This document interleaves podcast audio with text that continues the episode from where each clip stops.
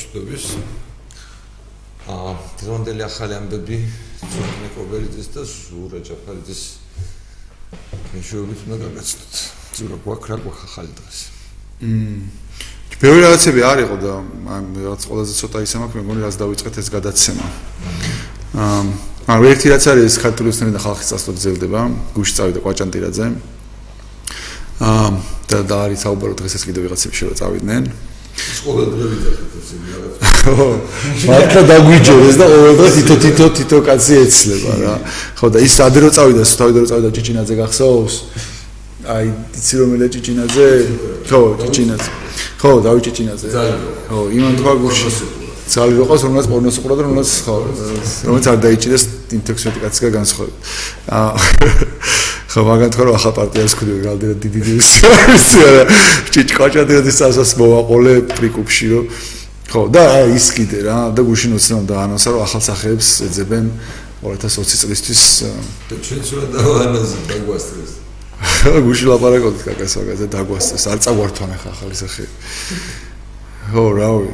მაგის გარდა მაქვს ორი სასაცილო ნიუსი გადავიდეს სასაცილო ნიუსი მორიგო ოთარ დანელიას ის ან უნდა შეიქმნას მიწის მართვის ეროვნული სააგენტო. ეგ ქონდა სასაცილო ნიუსებში. კი, სას ამ ეს ამაზე არ გვეცინება. მიწის მართვის არაგაც, მიწის მართვის ეროვნული სააგენტო. მიწის მდგრადი მართვის სააგენტო იქნება სიპი ცალკე. ორი კანონ პროექტი. თუ გიძა წაიგეთ რა ციტო რა ზდებდნენ რა ნიშნავს. 800000 ლარი დაფინანსდებაო კანონპროექტის ავტორი კანო დანელი ამბობს რომ მიწის ეს რა მაგარია.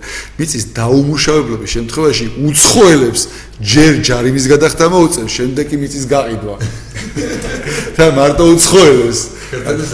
ქართული თვარ დაუმუშავებენ არაუშავს ეტაპიებად არა ის იდეები მე მახსოვს რომ იყო. ქართულებთან მიმართებაში მიმტკიცებდა აი ეს ბიჭი როა? მილიონერი ფერმერი როა? მილიონერი სოციალისტი ფერმერი რაგვარია ბეკა ბეკა მილიონერი არცაა რა მნიშვნელობა? სოციალისტი ფერმერი არის სოციალისტი ფერმერი რო არის ეგ მითქიცებდა მაგ კი კი მაგა ჯერა რომ თუნდა დასაჯვა და მეც თქვა ადამიანი რომ ამუშავე თორა და ჯარიმონა გადაახტევი კი კაცო ჩემ ჩემს მიწაზე მეუბნებოდა კაცო. ისეთ მიწა როგორ როგორ ბედაო რომ არ ამუშავებ ესე просто რომ გამოდიოდე და რაღაცა საკუთარ მიწას ესე ხრიოქს უყურებდა და მაგაზე кайფებდე, აი ხატავდე, ყოველდღე ხატავდე, ურავ დაამუშავ, ლაფანტავ. მიწის მიზნობრივი დანიშნულების განსაზღვრის და სასოფლო სამეურნეო დანიშნულების მიწის მდგრადი მართვის შესახებ უნდა იყოს ეს კანონპროექტი. ანუ მიზნობრივადაც უნდა გაგისაზრო ის მიწა სანა გაყიდიან იქ რა უნდა რა ალბათ ყველაზე კარგად რა იხარებს და მე იმის ვალდებულება რომ ის უნდა ახარო. ანუ ეს აი ნუ გიხარო აა ლაბორატორიაში აღწევენ და აქ შეძვა უბრალოდ სტაბილოთ ესო სანამ ეს მიწა ქიმიურად ესეთ მაჩვენებლებს არჩენებს სტაბილურად ეს გავსი კანონის მიღების მიზანი არის შეუძლებელია. მიზანში უწერია რომ ამის ადმინისტრება ხო მიზანი არის მიწის როგორც განსაკუთრებული რესურსის რაციონალური გამოყენების პრინციპების დადგენა ხო გითხარი, ანუ პროსტო წამოწე შენი თადი მიმართულება. პეიზაჟის პონჩი რო ხატო საკუთარი მიწა არ შეიძლება, ანუ არ არის რაციონალური გამოყენება მიწის, რო ხატავ პეიზაჟს. ამ პოლიტიკის საკუთრების პოლიტიკის შემუშავება კიდევ ბიზნესში და რა თქმა უნდა ქვეყნის ისტორიული ტრადიციული გამოცდილების გათვალისწინება. ალბათ მიზნობრივ ნაკლში ამას გულისხმობ რომ ალბათ ის ტრადიციულად ალბათ რაც მოყვავდა იმის ვალდებულებებს ვენახი მოყვავდა ვენახს ხელს არ მოკიდება უნდა ვენახი გააგრძელო მიუხედავად იმისა რომ მკვიდრობა ხო არ არის მაგზედოთ ეს ცოცხალი ორგანიზმები გახდიან თუ არა არა ნუ საგიჟეთია ჩემი აზრით. ხო შეიძლება იქ მან საინტერესოა ქიმიურად ქიმიური ანალიზი თუ დაადგინესო სტაფილომოდის ყველაზე კარგად. მაგრამ ისტორიად ვენახი არის რომელი მოიგებს მან? სტაფილო თუ ვენახი? ეგ არის საინტერესო ეგ ზოგადად მაგაზე არ უფიქრია. ეგ არ უფიქრია ჩემ ერთხელ თუ გისმენ შეო ჩაამატონ ერთი მუხლი რომ ესე შემთხვევაში უპირატესობა ერიჭება ისტორიულად რაც მოდიოდა კულტურას მიუხედავად იმისა იყიდება თუ არ იყიდება. მაგრამ საკუთრების პოლიტიკას რო ჩააქსოვეს წარმოგიდგენი ეხო სერიალში ამ ეს ყველაფერი ახლა რადგან ჩვენ ვიცინით არის საკუთრების უფლების შელახვის რაღაც ტექნოლოგია. ტექნოლოგია იმ მიზნით, რომ ვითომ რაღაც უფრო მნიშვნელოვან ღირებულებას ვიცავთ, ვიდრე არის საკუთრების უფლება როგორც ასეთი. ოღონდ ეს მნიშვნელოვანი ღირებულება რო კითხო რაში მდგომარეობს, ანუ საკუთრების ღირებულება გასაგები ამაზე დგას საზოგადოებრივი სტრუქტურა. ეს არის ბაზისი თავისუფლების და იქ რა ხდება? ანუ იქ რა ღირებულება? სტაფილოს სტაფილოა იღირებულება? ანუ თუ რა არის იღირებულება? მე მე რაც წავიკითხე, თავისთავად კაი, გაჟი მეთერში ერთ-ერთ რო ვიზახი რომ თავისთავად არც მიწა და არც ზუძუ არ არის, მანდარია მართლა, მიწა გონია თავისთავად იღირებულება. მაგ კითხოთ სწორო, ანუ რეალურად მიწა რისთვის? რომ შემდეგ მასში ჭიებმა კარგად იფუთფუთონ? თუ რისთვის არის ეს მიწა? ღირებული. რო არ არ მან მე მგონი ის მოისერთვებათ რომ მაგათ ხო ჯერათ რომ აა წულიკენს რო ჯერა ამდენჯერ მე ჩემ საჯაროდ ნათქვამი. მაგათ ჯერათ რომ დედამიწაზე მალე რაღაცა 20 წელიწადში 30 წელიწადში უნდა აღარგეს იწევს და იწევს ეს და ეგ ეგ მე მგონი ხუმრობ ანუ არა არ ხუმრობ. მაგის ჯერათ მართლა რომ 20 20 წელიწადში დედამიწაზე დაიწყება შიმშილი იმიტომ რომ overpopulation მოხდა ანუ ადამიანების რაოდენობა იმდენი იქნება რომ საჭმელი აღარ იქნება საჭმელი საკმ საკმარისი. და ამიტომ უნდა გაუფრთხილდეთ სასოფლო. იმიტომ არის ეს ეს ხომ მარტო სასოფლო სამეურნეოზე კი არა რაღაცა. ეცადე არა სასოფლო სამეურნეოზე არ წუხან. მაგის გამინდა. როგორ არ წუხან კაცო? არა ეს შენობებსაც არ ვაშენებ. ეგ სხვა პონჩი წუხილი არის. სხვა რამეზე წუხან. აქ იმენა კონკრეტულად მიწას უფრთხილდებიან რომ ეს ჰუმუსი და მათ შორის ამის იმაში მიზნებში წერია რომ რაღაცა ზედაფენას უნდა გაუფრთხილდეს ეს სააგენტო და ეგეთი რაღაცეები რა. მართლა ჯერათ რომ შიმშილი დაიწყება და ვისაც ექნება მიწა რომელსაც ექნება სტატუსი საწორო სამეურნეო ისინი გადარჩებიან და ჩვენ უნდა გადავრჩეთ. ანუ ერის გადარჩენა. ოღონდ გადარჩეთ ტრადიციული საკვებით იმაზე. ერის გადარჩენაზე თავრობა ყვების უსაფრთხოებას უზრუნველყოფენ მიწის სასოფლო მიწის დაცვით რომ საბოლოო ჯამში ერი გადავრჩი. იცი რა მე მაქვს ხოლმე ესეთი განცდა რომ ჩვენ რა ხუმრობთ შეიძლება ადამიანები პროსტა ფიქრობენ რომ გიჟები ვარ. ამ ანუ შეიძლება ო არ ვიცი ალბათ ვიღაცები ფიქრობენ რომ გიჟები ვართ. რა ვიღაცები არ ალბათ ადამიანები ამბობენ რომ ანუ ეს ხალხი რა ვიცი შენასაც ახლა კითხულობ რომ არაფერს შინაარსი არ გააჩნია გარდა იმისა რომ ვიღაცებმა წარმოიდგინონ როგორი ლამაზი და ესეთი უნდა იყოს ბუნება საქართველოში. და ნოყიერი. და ნოყიერი. სტაფილოსთვის ვენახისთვის იმისთვის ამისთვის. მაგრამ ეს ყველაფერი ხო ამ ადამიანებისაა. და აი ეგ ვინ უნდა განსაზღვროს რომ სად სტაფილო სად კომბოსტო სად ვენახი ანუ ეს ყველაფერი წარმოუდგენია. კი, კი, წარმოუდგენია. საბოლოოში რაღაც პონჩი გოსპლანის ამბავი. გოსპლანია და ეს არის დეტალებში არ წარმოუდგენია. ფაქტობრივად, ოღონდ მთელი ქვეყნის მასშტაბით სასოფლო სამეურნეო სავარგულების გენგეგმა არის იდეალური ამათთვის, რომ აი იქამდე უნდა მივიდეთ, ხო? კი, კი, მაგის ჯერათ, ანუ დეტალებში ალბათ დაწურებულა არ წარმოუდგენიათ, მაგრამ იდეის დონეზე ჯერათ, რომ ეგ არის შესაძლებელი. ეგ იდეის დონეზე არ ჯენოდა საბჭოთა კავშირში, რომ ეგ შესაძლებელი იყო. მეરે დაენძრა და იცი რა გერზე, ხო და მე მინდა რომ ამის რაღაცა გასერიოზულება გარდა ამ იმისა რა, ხუმრობისა, იმიტომ რომ ანუ კი, ამდენი ვიხურო, ყოველ დღე ესეთი სიგიჟე არის ჩიტება. ყოველ დღე ხო ამას ვკითხულობ. კი, ხო და რა მაინტერესებს, როგორ შეიძლება კონკრეტულად ესეთ რაღაცასთან თქვა შეაი თუ ბრძოლა თუ დაპირისპირება, იმიტომ რომ ანუ გამოდის რომ ეს ჩვენ რაღაცას ვაპარაკობთ, ეს კარავანი ჩვეულებრივ მიდის. არაფერი არ ჩერდება, ხო? ანუ ხვალე წავიკითხავთ უარეს. ხვალე ასევე გავიცინეთ.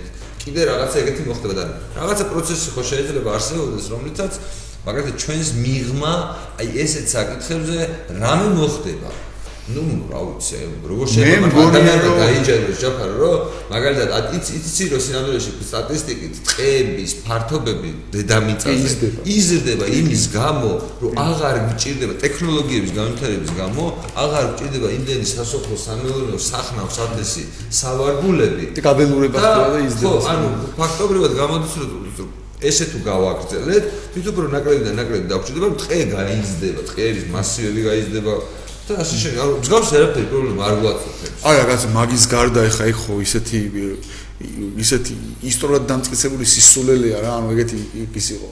დემოგრაფი, ეკონომისტი იყო მალთუსი, მე რობერტ მარკ რობერტი ერქვა, რომელიც მაგას წერდა, მე მგონი მე-19 საუკუნეში, ხო, მაშინ მოლას მაშინ მოსახლეობა ჯავი მილიარდის ფარგლებში ყოფილი რაღაცა, როცა ეკაც წერდა, რომ ეხლა ანუ იმდენ ისე იზრდებოდა და მეც მოსახლეობა, რომ ცოტა ხანში საჭმელი არ გვეყოფაო და მაშინ ხო მაშინ ტექნოლოგიები არ ქონდა განვითარებული კვადრატული თითვი და რა მიწები თითვი და იძახდა, რომ აი მაგ პონჩი დაგვენძრება, რომ ეხლა ერთ კვადრატულზე დაახლოებით ამდენი საჭმელი მოდის და ადამიანის სიცოცხლე შემჩევს ამდენი ჭება, რაღაცები ქონდა მათემატიკა სწორად დათვლი და იძახდა, რომ დაგვენძრება, მაგრამ ის ისტორიამ ხო აჩვენა რომ სიგიჟია ეგ რა, ანუ ტექნოლოგიის განვითარებას მიყავ ხარ იქამდე რომ ეხა ვარ რა 8 მილიონამდე ვარ და რავი, იდეაში ხო, მათ შორის ეგ არის ერთი ნაწილი რომელიც არ ესმის და მე მგონი მაგაზე აი ოკეი მალთუსი შეიძლება არ იცოდე სიტყვაზე ოთარ დანელია რო ხარ ანუ ვიღაცა ან წულუკიანი რო ხარ და შეიძლება მალთუსთან ასოდეს არ გადაკვეთილ ხარ და ეგეთ რაღაცა რა წაიგითხე მაგრამ დანელია რო ხარ რომელიც სოფლის მეურნეობის მინისტრი იყავი და ეხლა მე მგონი აგრარული კომიტეტის თავმჯდომარეა მინიმუმ მოადგილე მაინც არის ზუსტად არ მახსოვს მაგრამ მე მგონი თავმჯდომარეა ჯერ კიდე აგრარული კომიტეტის.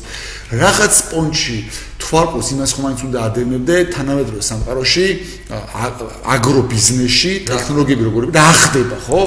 მე თუ მე თუ მიგდებს რაღაცა რაღაცა Facebook-ის სიტყვაზე რაღაცა vertical farming როგორ არსებობს უკვე და ტექნოლოგიები როგორ უკვე იხვეწება უკვე და უკვე რაღაცა კულტურების მოყვანა რომ indoor უფრო იაფიჯდება ვიდრე გარეთ რომ მოიყვანო და მიწა რო ვაფშე აღარ ჭირდება და რაღაც როგორც კანაფსოზდიან ჰიდროპონიკებზე შეიძლება უკვე რაღაცები გაზარდო და უკვე ფხირებულების ამბავში მაგრამ ეგ რაღაცები რა არ აგრარული კომიტეტის თავმჯდ 直 თუ ხარ? მაგას როგორ შეიძლება თვალყურს არადენო აბა რას ადენო თვალყურს? რას შვება კვიციანს უსმენ და მაგ მიწას იცავ და ეგ გონია ამბავი. ხო მიწას იცავს? ხო სინამდვილეში ხო მიწას იცავს და გამოდის რომ წარმოუდგენე არ აქვს სამყარო დღეს მაგას ვამბობ მე მალთუსი შეიძლება ვერ გადაიკვეთე ცხოვრებაში მალთუსთან და არ წაგიკითხავს ეგეთი რაღაცა და ოკეი არიცი მაგრამ დღესაც აკეთებ შენი ყოველდღიური საქმიანობა. რაღაც პონჩი ხო რავი მაგას თუ არადენო თვალყურს აბა რას ადენო ხო და ანუ სინამდვილეში ხო ეგეთი თემაა რომ ეს ეს ადამიანები შეიძლება მაგ მიმართულებით საერთოდ არც კი ფიქრობენ, მაგალითად სოფლის მეურნეობას ად არის რაღაც. რეალურად გამოდის რომ ვიღაცას აქვს კონკრეტული რაღაც ინტერესები, აი ძალიან ესეთი პრიმიტიული, მარტივი რაღაც ეკონომიკური ინტერესები, ან პოლიტიკურად მოეწონებათ ეს თემა და შესაძლოა ეგრე ხდება თქო გადაწყვეტილების დრო. ეხლა მაგალითად ეს ადამიანი აი ამდენი ვილაპარაკეთ, ხო შეიძლება დავპატიჟოთ, მოვიყვანოთ და ელემენტარულად მოგვიყო ეს აი რა იფიქრა? როცა აი ამ აი ამ რაღაც რაღაც უცნაურობას აი მოდი აი რაღაც წარმოვიდგინოთ რომ გვაინტერესებს აა ცადო კარგი სტუმარი ხება ძალიან იმიტომ რომ ჩემი აზრით სოფლის მეურნეობის ნაწილში ამ ადამიანს ბევრი ჩემიაც მავნებლობებია გაკეთებული. ანუ ეს არ არის ერთადერთი კანონ პროექტი. მსგავსი რაღაცებში კიდე აქვს მონაწილეობა და მინისტრი თუ იყო ხო რაღაც. მანამდე მინისტრი იყო, როცა მინისტრი იყო, მაშინ არ მიღებული კაცო, მე რო პარლამენტში ვიყავი, მაშინ მინისტრი იყო და ისინი აქ კაცო კოოპერატივებზე და მთაში დამაგრებაზე და რაღაცებზე ყველგან ეს კაცი მხარდამჭერი იყო თუ არა ინიციატორი ეგეთი რაღაცების და მაგის ამოკრეფა შეიძლება. შევეცადოთ რომ ამ ადამიანს დაველაპარაკოთ. იქ თუ უბრალოდ ახსნა აქვს თავისი, მე ძალიან მაინტერესებს რაღაცა ახსნა ხო ექნება რა, თავისი. რაღაცა მიჭირს მე მიჭის ანუ კონსტრუირება რაიმე ლოგიკური მოდელის რომელთა შემიძლია გავამართლო ეს რაც რაც აქ წერია მაგრამ იქნება არსებობს. აი აი ხუმრობის გარეშე და ანუ რაღაცაზე კონდეს დაშენებული რაღაცაზე კონდეს რაღაცა წვენაზე კონდეს ეს დაშენებული ხო შეიძლება ხო რაღაცა წვენაზე აქ დაშენებული ხო და სტარია საფუძველში ხო ხო მაგრამ თვითონ ხო არ უთქვი აი მაგალითად ეს ეს კანონ პროექტი თუ რაღაცა როგორ რეალური პასუხისგებლობა ამ კანონ პროექტის არსზე ხო არავის არ აუღია. ეს იღებს იმიტომ რომ ინიციატორია. აი ის მისი მომზადებულია როგორც საავადმყოფო აგრარული კომიტეტის თავმჯდომარეს. აი აი ეს ეგარ პასუხისგებელიც. აი გადავიდეთ სარტანელია გვინდა სხვაზე ზოგადად გუში მლარის გაუფასურებაზე არის ექსპერტები. გაუფასურდა კი, მცირედით გაუფასურდა, ამას აბრალებენ ექსპერტები TBC ბანკის თან მიმართებაში მიმდინარე მოვლენებს. ნუ ზოგადად აქ შეიძლება ის განცხადება გავაკეთოთ, რომ კი შეიძლება ამანაც პოვა გავლენა ზოგადად საქართველოს გავს ეკონომიკაში და ისეთ მონეტარულ პოლიტიკას, როგორცაც ჩვენ ვაწარმოებთ, კი გავლენას პოვებს უამრავი რამე, მათ შორის TBC ბანკი იქნება თუ სხვადასხვა რკევები. ზოგადად ჩვენ არ შეგვიძლია კონდეს საკუთარი იმგვარი მონეტარული პოლიტიკა, რომ ჩვენი ფული კონდეს. ზოგადად შეუძლებელი არის ჩვენერი ტიპის ქვეყანა, რაღაც საკუთარი ფული კონდეს.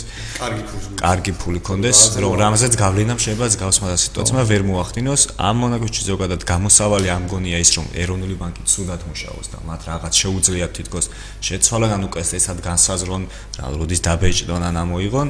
ნუ გამოსავალი არის ის, რომ ზოგადად მოქალაქეებს ვანდოთ, რა ეს ჰეჯირებასაც ეძახიან, რისკები თვითონვე დააზღვიონ ადამიანებმა იმ ფულის რომელიც გააჩნიათ გააჩნიათ რა ურჩევნია რომ ანუ რჩევასაც გევინმე ეს? მე მე ვიცახი რომ თითქოს ან ოპოზიციაში და პოზიციაში არის ერთი განცდა რომ ანუ ან ეროვნული ბანკი მუშაობს სუდად და იმიტომ უფასურდება და ისინი ამართება რომ არა ნუ კარგად მუშაობს და ესეც უნდა ისინი ამბობენ რომ არა ცურავი კურსია და ჩაოლებრი ამბავია რა მოხდა კაცო ცოტა გაუბასა არ მგონია სწორი რომ კი მესმის ყევების რისიბრალი შეიძლება იყოს მაჯორის ტიპის ბანკის თან მიმართებაში მოვლენები, მაგრამ ამის გამოსავალი ეს არ არის. არის გავსეს თუ ჩიჩქინე და თვითოულ საკითხს ესე ვიცახე, ეს არ არის გამოსავალი. ან რომ გოცირზე თუ დაბრუნდება ეროვნულ ბანკში, ამით ლარს არ ეშველება მაგის თქმა. კი, როგორც ექსპერტები, ისე პოლიცია ისეთ რაღაც პოზიციებს აღღერებენ, რომელიც გამოსავალი არ არის. ახლა საკითხი გირს გვაქვს. გირს ის მე ისე მაჩნია სწორად რომ ზოგადად გავს, ოდესაც ფულზე საუბრობ, ფულიც არის ჩაოლებრივი პროდუქტი. და აქაც მე უნდა შემოწმოს გავსაზღვრო მე და შენ შორის რაც რამე ტრანზაქცია შედგება, რა უნდა გამოვიყენოთ, რაც შეიძლება ვენდოთ, იმიტომ რომ არა იქ ხო, ანუ თეორიულად მარტო ეროვნული ბანკია შენი აზრით პასუხისგებელი, ეხლა ანუ პასუხისგებელი რა მას მას აკისრებენ, მაგრამ გარდა მაგისა მთელი პოლიტიკა ეს რაღაცა დოლარიზაცია თუ დოლარიზაცია? დოლარიზაცია. დოლარიზაცია ეს რაღაცა დუალემსგან უგვიცავენ მაგას რა ქვია? აა ჭარბვალია და ბზულა ეს ყველაფერი ხო. სახელესაც იგონებს ნაწილია. და შეუძლებელია რომ თლიანი სურათში რაღაც მხოლოდ ეროვნულ ბანკს ხედავდე ხო? ან თლიანი პოლიტიკა მცდარი ან მორალი მცდარი რა თელ ფულთან დაკავშირებული მორალი მცდარი ზოგადად ყველაფერთან დაკავშირებული. ნუ ზოგადად მორალი სხვა მცდარი მაგრამ ფულთან უფრო საშიში ის არის რომ რთულად უფრო რთულად დასანახია კაფეო დასანახი მოსახლეობისთვის ეს საკითხი არ არის რომ ან თვინემ ან რთულად დასანახია რა ბევრად ადვილია რომ დღესო პარკირება თქვა დაგიწეს ეს ფული გადაიხადო მოსახლეობისთვის ხო ჯარიმა მოსახლეობის ადვილად დასაქმებია რომ ჩემი ჯიბე ამით შეარა. ხო, იქ მიზე შედეგური კავშირის დაჭერა არის, თუმცა რომ რამდენიმე ჯაჭი უნდა გესმოდეს და რამდენიმე ჯაჭი ანუ აფროინფლაციური მოვლენები რო არსებობს, ისე სახელმწიფო ისე შეუძლია გაგავარდეს ქურზე მონოპოლი, რომ ამაზე გაიგო მაშინ როდესაც შეუძლია გვაღარიბებს კი ყოველდღიურად გვაღარიბებს ყოველდღიურად ამას იგებ დაგეჯნილად ბაზარში მიდიხარ რაღაცას კიდე რომ მე მე და საჯარო ფუნქცია ძვირდება ასე და ასე შემდეგ ანუ ბევრად უფრო რთული საკითხია და უფრო ბევრად მე დაწყება საჭიროა ამას პირიქით სიამაყით ვიანონსებენ ყოველ წლის ბოლოს, ხო? აი შემდეგ წელს ჩვენ გეგმიურად გადავწყვეტეთ რომ 3% გაგაღარიბებთ რაღაც. 3 კაი შემთხვევაში. კარგ შემთხვევაში, რაღაც 5-6 არის ისეთ. მე შეგვაქვს სოფლიო ბანკი რა, აი. ხო, ამა თვა მარტო 3%-ით გააღარიბეს. ხო და ესეთი ეგეთი ეგეთი ქვეყანა გვაქვს, ხო? და ეგეთი საზოგადოება რო ხო, მე მოგლექა მარტო ჩვენ არ გჭირს. მიღებული მეინსტრიმ ამბავი არის, მამენ ქვეყნები მაგას აკეთებს. ეს რა შევა, ანუ ჩვენ რა რა შეღავათ იმას. და ჩვენ გვიშლის ხელს იმაში, რომ დაბარწმუნოთ ვიღაცები, რომ ეგ არის სირობა, მეტი არაფერი. იმიტომ რომ გეუბნებიან, რომ აგერც ბაო იქაც ესე არის და ეხლა უხსენო იქაც სირობა. თუ მასე, მაშინ ჩვენი არგუმენტი იმის შესახებ, თუ ეს მასია და ყველაზე კარგად ამ იდიოტობას თავს ართმევს მაგალითად რაღაც ფედერალური სარეზერვო სისტემა ან ევრობანკი. სიტყვაზე ვიძახ. ან თუნდაც მასე იყო შენ მართალი იყავი, რა? მაშინ ხო გვირჩევნია რომ იმაზე დავჯდე იმაზე დავჯდე და შენ რითი ხარ უკეთესი? ანუ თუ იგივე საკეთებ რა კომპეტენციით ჯობი ხარ?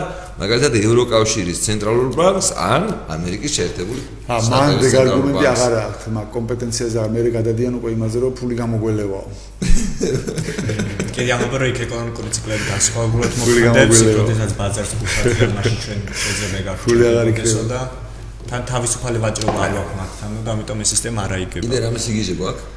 სიგიჟე არ ვიცი უბრალოდ კაფიცულებზე უნდა თქვა საავიაციო საავიაციო ქარხანაში გაიფიცნენ და ხელფასის მომატებას რო ითხოვენ თბილისში შენის თანამშრომლები. საკავი ამშენი. კი აქაც რავი კომენტარის გაკეთება ნუ მომენტა ჩინარს ის არის რომ ისინი თვლიან რომ მათ არ აქვთ ის ხელფასსაც იმსახურებენ და დამსახურებისგან გამომდინარე მათ უნდა რომ როგორ უნდა მიუხვდეთ რა საავიაციო შენის თანამშრომლები კი ზოგადად 1000 ლარი მაგრამ 1000 ლარზე მეტი მეკუთვნის რომ ისეც არის კოსაკანების შესრულება როგორც არის თვითფრინავის მუშაობა.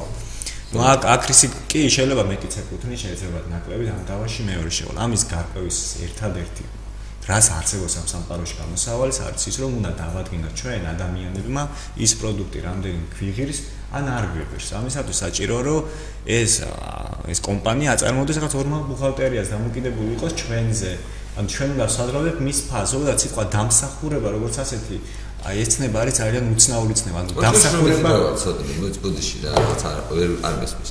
აი ხო შრომით დავაზე გვიყვები ახლა რომ ეგენი ჩივიან რაღაც ხელფასთან დაკავშირებულ საკითხზე. ხო, მაგ დროს ხო ეს კომპანია სახელმწიფო კომპანია, ნუ ხო შემთხვევაში 96% სახელმწიფო კომპანიის საკითხი. თუ 90% მე მეგონა რომ უფრო მეტი იყო კერძოში, ანუ როგორც მეც მეგონა უფრო მეტი იყო კერძოში. ამ სახელმწიფო 96%-ის ფლობელი არის შეფეს თბილისის საშენი, რომელიც თავის ხმრის საჯარო რეესტრის მონაცემებით სახელმწიფო საკუთრებაში. თბილისის საშენი თბილავიას თბილავიამშენი.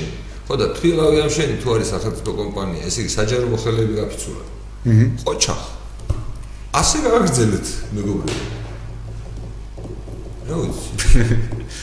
რა ვიცი ხო მაგრამ ხო უბრალოდ ის არის დაუკმაყოფილებენ მე გაუ გაუ მიცემენ მეცხელფას იქნება და გასვირი დაგვიჭდება იგივე მოხელე გუჯდებოდა რა ვიცი 5 მილიონი და გუჯდება 5 მილიონი ნახევარი ოკეი რო გავყიდოთ ალბათ იტყვიან რომ ის არის ხო უბრალოდ გუჯდება ხო.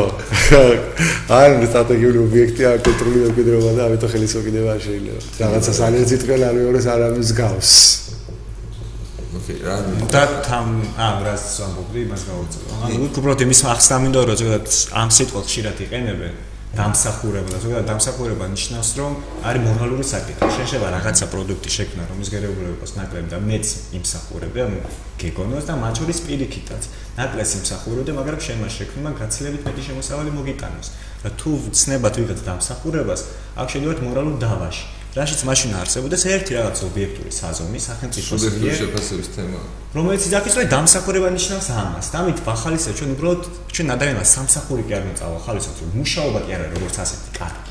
კარგი არის ისეთი პროდუქტის შექმნა რომელთა ჩვენ სარგებელს ვიღებთ ამიტომაც ნებისმიერი ხელფასი უნდა განიცაცხოს მისი სარგებლიანობისა და მიხედვით და არა დამსახურებით, იმიტომ რომ დამსახურები წავახალისეთ ადამიანებს, რომლებიც შექმნიან იმ ვარ პროდუქტს, რომელიც ჩვენ არ გვახეირებს, არც მათ, მაგრამ იმუშავებენ ბევრს. ეს რაღაც მონური მიდგომა რომ ბევრი მუშაობა არის თითქოს კარგი, თითქოს ცალკე მდგომ მუშაობაში იყოს რაღაცა. ხო, მუშაობა სიკეთე არის რაღაც რაღაც მითოლოგიის ნაწილი. კი, მაგრამ ეხ ხმართ სახან საჯარო მოხელებზე ლაპარაკობთ, ანუ შევასაც ხსნი. კი, მაგრამ ეს ცნება სადაც ყველა მოქალაქეში ერთადერთად ჟღერს ყურში, ხო, დამსახურება. აი, ეს მოდი, ეს არის ჟღერს, იმიტომ რომ იყოს სტაჟისა და დამსახურების ხო დიდი ბრძოლა ამ ქვეყანაში. შენ როცა ბავშვი იყავი, სავარაუდოდ, ამ ქვეყანაში წლებია მიმდინარეობს დიდი ბრძოლა, რომ იყოს სტაჟისა და დამსახურების. ეხაც არის რაღაცა. აი, ხა მაგალითად თაწმინდის რაიმიშვილის ყობა დავითაშვილი, ის მეგონა დღეს და დღემდე იხოს მაგას მე მგონი ეგრე მახსოვს. ო, ან კაცმა არის ის რაც ნიშნავს დამსახურება, აი როგორც ახლა შენ ყვები, ანუ მაქშინ არის რომ ნეტა რა არის დამსახურება და როგორ უნდა მიუხვდეთ და მე როგორ გავზომოთ. ამ კითხვებზე არანაირი პასუხი არ არსებობს ბუნებაში. უბრალოდ მიუხედავად ამისა, ჩვენ ვახერხებთ, რომ 10 წლეულები რაღაც პოლიტიკურ იდეას ვიხილავთ ისე, არავინ არ იცის რა არის ეს. დამსახურება. დამსახურება. და სტაჟი იგულისხმება, რომ ადრეაზე და შრომის ციგნაკები, სადაც სამსახურიდან სამსახურში გადადიოდი, ბეჭედს გირტყავდი, რომ აქედან აქამდე ჩემთან მუშაობდა ადასტურა. რა ღირებულება შეიძლება კითხვას? ეგ კითხვა არ დასრულა ამ საზოგადოებაში.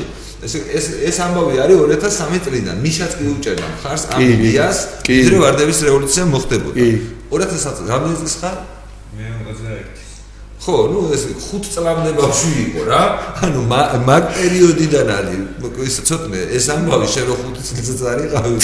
სტაჟისა და დამსახურების შესახებ ანუ ქვეყანა ითხოვს ეგეთი პენსია გქონდეს. და არავინ არ იცის რა არის ეს. ხო, იცი რა იყო კიდე დამსახურების ამბავს საბჭოთა კავშირის დროს განსაზღვრავდნენ აა სამუშაო სპეციფიკიდან გამომდინარე და მედლებით.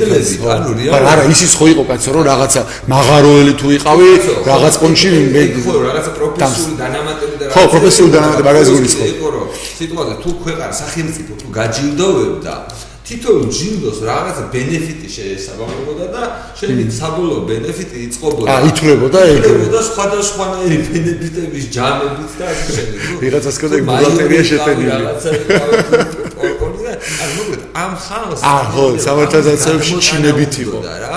ანუ აგიხსნით, აგიხსნით, მოკლედ ახან ეს თემას შევეხეთ, ისტორიას მოგიყვები. აა, ის არის რა ქვია? ეს ესეთი ქონდა კანონი სამხედრო მოსამსახურეების და სახელმწიფო სექტორში დასაქმებული ადამიანებისთვის რა. რომლებიც რომლებიც თქვა მუშაობდნენ შინაგან საქმეთა სამინისტროში უშიშროების რაღაც სამსახურებში სამხედრო ან თავდაცვაში. პროკურატურა. პროკურატურა და ესეთი რაღაცა. ძალიან ძალოვანი. რომ მოგეთ ყველაზე მეტი გავლენა ვისაც ქონდათ იმ პერიოდში რაღაც სახელმწიფო აპარატზე რა ამ ადამიანებმა თავისთვის მოიფიქრეს ბენეფიტების სისტემა. ისეთი ბენეფიტების სისტემა წარმოიდგინე, რომ იმ პერიოდში რაც ხელფასი იყო შესაბამის პოზიციაზე, ამ პოზიციიდან პენსიაზე რო გახვიდოდი, უფრო მეტი ბენეფიტი მოგდიოდა, ვიდრე იმ პერიოდში, როცა პოზიციაზე მუშაობდი. ეს ეს ისტორიული ასწორებდა. ანუ ეს ეს გასვლა ასწორებდა ყველანაირი გაგებით რა, იმიტომ რომ ამ ხოლმე უნდა მოგეპარაგა რა. რაღაც. ანუ მანამდე ხო რაღაცას ჩალიჩობდი ასთან იმაზე როგორ ცხოვრობდი, მაგრამ რო გახვიდოდი პენსიაზე, უკვე იმაზე ბევრად მეტი ბენეფიტების მოგროვება შეიძლებოდა ვიდრე მუშაობის პერიოდში. მოკლედ ეს იყო რა სისტემა. შესაბამისად ეს სისტემა ეხებოდა დაახლოებით 50000 ადამიანს და დარწმუნებული ვარ, როცა ყობა დავითაშვილი ან ეს ხალხი ვინც სტაჟისა და დამსახურების შესახებ მიხედვით პენსიებს ითხოვდნენ, ეს სქემა ქონდათ თავში. ანუ მათაც უნდათ რომ თვითფრინავის ბილეთები იყო უფასოდ ამ ხალხისთვის. ამ ხალხისთვის იყო რაღაცა ტელეფონის დადგმა უფასოდ. რაღაც ისინი რა ქვია ტელევიზია. ანუ რაღაც ეგეთი ბენეფიტები თელი ეს იყო მაგრამ მეტროში უფასოდ გზავრობა და ასე შემდეგ რა, აი რაღაცა უამრავ 30 ბენეფიტი შეიძლება ყოფილიყო ჩამოწერილი ერთ კატეგორიაზე რა. და პლუს პენსია, ანუ პლუს რაღაცა ფული, რომელიც ასევე ითვლებოდა მედლებისა და რაღაცების კომბინაციით, ხვდები? ხო და წარმოგიდგენთ ამ ადამიანებისთვის ეს 10 წლების განმავლობაში იყო ბუნებრივი სტიმული, ანუ ხალხი მიელტვოდა, რომ შეეგროვებინა ეს რაღაცა დამსახურებები რათა ბოლო ჯამში გამოსვლოდა სასურველი პენსია, სასურველი სარგებელი სახელმწიფოსგან. ეს სქემა ხო ამ შენ არის, იმიტომ რომ 21 წლის ხარ.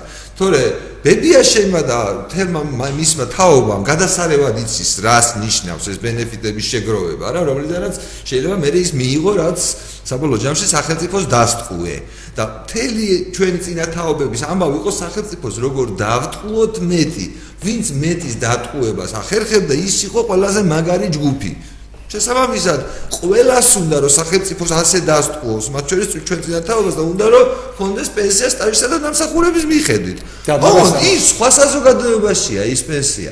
დღევანდელ საზოგადოებაში ეს რას ნიშნავს? უბრალოდ უცნობია ხო, ეგ მაინტერესებდა, რომ რო თქვა რომ მომენტ კი, ანუ რა რამ რაღაც საბუთებს მოიტან, რომ ეს დამსახურება. არა, შეუძლია, ანუ ახლა უნდა ააწყო, მაგალითად, ააწყო თავი. ობა დავითაშვილის სქემა რო განახორციელოს, შენ თავიდან უნდა ააწყო საბჭოთა კავშირი. ეგ ეხლა და ეხლა დაიწყო ეგ ამბავი, მაგრამ ანუ იმ ხალხს ვისაც უხარია, ვისაც უხარია, იმათ აქვს ესე იგი, შენახულებს მოიტანე. შენახული შრომის ციგნაკები ძირითადად ამაზე არის აქცენტი, რომ ისინი რაღაც წლებს გაჩვენებენ. და საბჭოთა საბჭოთა სოციალისტური შრომის გმირის მედალი და ეგ რაღაცა მედლები და ისინი რომ ამ პერიოდში რა ვიცი დები იყვნენ აუ იდოში მოარავთავი ჯაჟი დადეს იქამდე რომ ვიღაცა რომ 60-იან წლებში რომ არო ჯოზურგეჭი ბევრი ჩაი მოკრიფა და ამის გამო დააჯილდოვეს რაღაცა მედლით ეხა შეიძლება რომ მუშაობს და გადასახადებს იხდეს იმამ უნდა გადაუხადოს იმას ზუსტად. ანუ ეგ არის იდეა ანუ შეიძლება შეიძლება და კავშირში ვიღაცებს ჩაის ბუჩკის ტოტების ნახარში დაალევინა, იმიტომ რომ მაგას ვასწრებთ საერთოდ აკავშირის მაშინ. ამის გამო ეხა ვიღაცა უნდა გადაუხადოს თავის ჯერა და შინაარსი ამ რაღაცა შინაარსი ამბების. და ეხა ხითხოს მაგის აღდგენას. იმაზე დაგაბდეითებ თამას ახობაზის თემაზე რადგან თან ჩვენ ყავით ამ პროცესის და ადამიანს ვესაუბრეთ ახოს გადაცემაში. აა პოზიცია უცლელია იუსტიციის სამინისტროსი და შიმშილებას იწყებს თამას ახობაძე ვერ დაითა ვერ დაითანხა ვერაფერზე და ნუ ხა წინს ის ეხადა ეს ადამიანი შიმშილოს. ან აი ძალიან მაინტერესებს ამ ადამიანის ამბავი როგორ გაგრძელდება, სამდე მართალია სისტემასთან თანაც უნიკალური შემთხვევაა. მაგრამ მე ადამიანურად ძალიან მეწოდება და მინდა რომ რაღაცნაირად იქნება ამ შიმშილობის შიმშილობის რაღაცა პროცესის უცნაურობების გარეშე მოგვარდეს და ნუ რა ვიცი, აი რანაირად შეიძლება ხო იუსტიციის ხო მე მგონია რომ ამ ამ ამ შიმშილობის მიზანი ხო მართლა ის არ უნდა იყოს, რაღაცა სიკვდილამდე მივიდეს ადამიანი, ყურადღების მიქცევის ამბავი უნდა იყოს და ხო. ყურადღება ისე დალაპარაკება. ეს აი დღეების ამბავი რომ ეხა სწრაფად რაღაცნაირად ის შეიძლება ყურადღება ეს ადამიანი არ იმსახურებს არანაირად რაღაცა ტრაგედიებს და ასე შემდეგ, ანუ 5 წელი აწმალეს ისედაც, არანაირი ასე თქვა მეორე მხარეს არგუმენტი არგუმენტი მე შეუძლებელი არსებობს ორჯერ უზენაეს სასამართლოში კაცმა მოიგო რაღაცა რაც არ უნდა მოიგო მნიშვნელობა არ აქვს რა. ანუ ამაზეა საუბარი და ამ ყველაფერს ამწოვებს ის რომ მის მეორე მხარეს არის იუსტიციის ministri რომელსაც წესით ყველაზე მეტად უნდა ევალებოდეს კანონის დაცვა. და ადამიანი რაღაც საღაზრს არ აღიარებს ანუ არა სისტემა არ აღიარებს საღაზრს უბრალოდ. აი ეს სიტუაცია რო შინაარსებრივად ამ ბიჭთან რა შეიძლება მაგის დავეხმარო ზურა შენი აზრით რომ არ ვიცი. აი როგორც ვინმე იუსტიციის მინისტრს რომ მიწეროთ რამე უშ ანუ მე მგონი რომ ყველაზე დიდი შე დავაფიქსირო ა კი ბაზარი მე მგონი ბოსდა ერთადერთი მგონია რომ იუსტ სულუკიან ანუ მე მგონი ზუსტად არ მესმის ხო არ გვესმის ზუსტად ეს ოცნების შიგნით ეს რაღაცა chain of command რაღაცა როგორ მუშაობს. მე ეგრე წარმომიდგენია რომ ამ ადამიანის ამბავის გამო ვიღაცეებმა ჩვენმა დასავლა პარტნიორებმა თუ ვიღაცეებმა ივანიშვილს უნდა უთხრა რომ ე რა ხდება? და მე ივანიშვილს წულუკიას უნდა უთხრას რომ ე რა ხდება? და მაგ შემთხვევაში მგონი რომ შეიძლება დადგეს შედეგი. ხო. კი ამ მგონი რომ ეგ არის ერთადერთი ამბავი რომ სხვა მე არ ვიცი ხო ვინ შეიძლება რაღაც თვალსაზრისით გააგებინოს წულუკიანს, რომ ეგრე არ შეიძლება. გონია რომ ეგეთი არის ივანიშვილი და ვინ შეიძლება ივანიშვილს გააგებინოს, რომ ესე არ მოსულა. გონია რომ არიან ეგენი, ხო, რავი, ამერიკის საელჩო და ვიღაცები, რავი, შეიძლება ევროკავშირის ელჩი და ვიღაცები გონია რომ ეგენი არიან, ვინ შეიძლება ეს ეს მექანიზმი ჩართოს. სხვა შემთხვევაში ამის ალტერნატივა არის, რომ იქ იყოს რაღაც არის 10000 კაციანი მიტინგი, მაგრამ ეგ რო შესაძლებელი ყოფილიყო ეს ადამიანი არ გაჩერებულა. ანუ არ გაჩერებულა არც ერთი დღე, მაგრამ ნუ მაგ შედეგამდე ვერ გავიდა. ხო და შესაძლებელი არ ვიცი რომ იმდენი პრობლემაა რომ თქვა მისი კონკრეტული საკითხი აუ სხვა ადამიანების მწვავე ტრაგედიებთან შედარებით ადამიანებს ქუჩაში ვერ გამოიყვანს რა. ხო.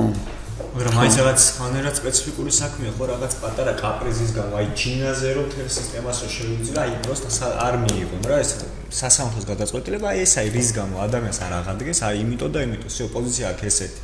ამას რო შეუძლია თელ ეს გადააყოლოს ამაზე როა წამსველი სისტემა, რა ვიცი, რაღაცია საუბარი, მართლა რომ ვინმე დაჭirdეს. რომ ესე გაანადგუროს და ანუ საგიაზრი არ მიიღოს სხვა შემთხვევაში მე რაღაც იზა. საღას არ აღიარებს. ხო, ხო, როგორი სისტემა იძახის რომ სისტემა გარდა იმისა რომ იძახის რომ რაღაცა იდიოტური წესებით ფუნქციონირებ, ამ წესების ფარგლებშიც კი შენ თუ რაღაც შედეგზე გადიხარ, მომენტი შედეგიც კიდია. კი, ჩვენთანაც აგას ისახის სისტემა. ამ ჩვენთანაც იგივე გაიქცეს შინაარსობრივ. ყველას იყიდებს, ანუ ამას აკეთებს. კი. თუცა უნდა რა. თუცა უნდა უცებ მომავალ გაგიკეთებს ეგრე. აი ხა მაგას აკეთებს. აი ხა უკეთ ახობაზე. აი უკეთ ახობაზე უკეთებს ეგრე ამდენი წელი. კი. კი მოიგე, მაგრამ ნო. ეგოი დავამთავრე. ერთი კიდე საკითხი მაქვს ესე იგი იმისთვის რომ რაღაცა დავასრულოთ. ანუ ჩვენ გვაქვს რაღაც განცხადება დღეს რომელიც უნდა გამოვაკვიროთ სკოლას. ხსნით აქ ანუ ახლო ცალკე ხო არ ვიბაზროთ მაგაზე მაგაზე ხო ეხა ამის გაგრძელების ამბავი რო არ გამოვიდეს ამას სპერიოდო ცალკე ცალკე დავждეთ ვიბაზროთ მაგაზე ხო ანუ რეალურად დღეს გვინდა რომ ეს ეს ესეც სიახლეა უგონ ამ შემთხვევაში ჩვენი შიდა შიდა ნიუსია და გვინდა რომ მას მე რაც ახლა დავასრულეთ ამ განცხადების რაც დარეგდაქტირებას და დავდებთ პეიჯზე, მე უბრალოდ გავარჩიოთ რა, რომ იმიტომ რომ განცხადება ვერ იქნება რაღაცა იმასავით, მოთხ დიდი მოთხრობასავით შესაბამისად გვირჩევნა რომ პატარა განცხადება დავდოთ, მაგრამ და მოუყვეთ რა გვინდა. მოუყვეთ, ხო, რა შინაარს ვდებთ ამ განცხადებაში. დროებით მაშინ. დროებით.